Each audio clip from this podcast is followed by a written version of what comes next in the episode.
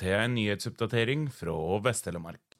Tokke Arbeiderparti har bestemt seg. De vil bygge ny Tokke skole, og de vil begynne å sette av penger alt nå. De la fram forslaget da kommunestyret hadde sitt siste møte før sommerferien forrige uke. Under sak om budsjettrapporteringa for første tertial, melder Vest-Telemark Blad. Vi har ei hjertesak, og det er en helt ny Tokke-skole. Vi foreslår at vi begynner så smått å spare til det, slik at vi slipper å lånefinansiere hele beløpet, sa Kjell Magne Grave fra Arbeiderpartiet da han foreslo å sette av 7 millioner kroner til ny Tokke skole på investeringsbudsjettet i 2024, med inndekning fra årets overskudd. Jeg tror vi kan støtte det forslaget, kommenterte ordfører Jarand Felland fra Senterpartiet, men han var klar på at de ikke ville binde seg til å rive alt. Men for Arbeiderpartiet var det ikke aktuelt å flikke på bygget fra 50-tallet. Når vi skriver ny tokkeskole, mener vi ny tokkeskole. Hadde vi meint rehabilitering av skolen, så hadde vi skrevet det, svarer Kjell Magne Grave. Felland stemte til slutt for forslaget til Arbeiderpartiet, som fikk flertall med 14 stemmer. Ungdommene i Seljord har sagt at de ønsker å etablere ungdomsklubb i de tidligere lokalene til Telemark Bilrytter på Brøløs. Ved månedsskiftet overtar Seljord kommune bygget, men hva 1200 kvadratmeter med bygningsmasse skal på huset, er ennå ikke avgjort. Tidligere i år ble det kjent at Seljord kommune og Telemark Bilruter gjennom selskapet Brøløsvegen 7 ble enige om en pris på 7,25 millioner kroner for tomta. De folkevalgte i kommunen har vedtatt at virksomheter skal kunne drifte, eie og utvikle fast eiendom, eie aksjer i andre selskap, investere i aksjer og andre verdipapir, og dessuten annen virksomhet som står i naturlig tilknytning til dette. To representanter fra kommunestyret vil også sitte i styret til virksomheten.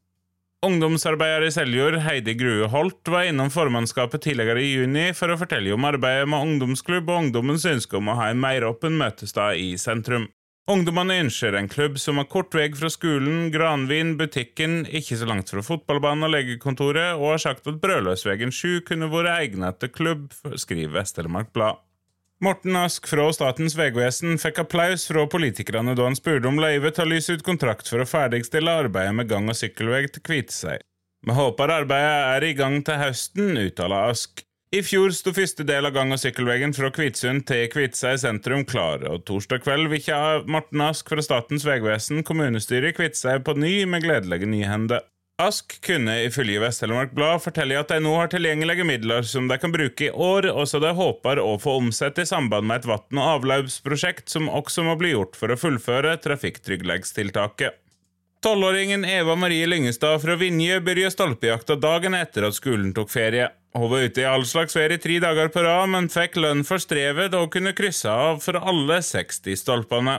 Det er en veldig fin start på ferien, synes jeg. Kjente plasser jeg aldri har vært før, sier tolvåringen til Vest-Telemark Blad. I stolpejakta er stolper utplassert ut på ulike plasser i kommunen, og en registrerer at en har nådd en stolpe i en app.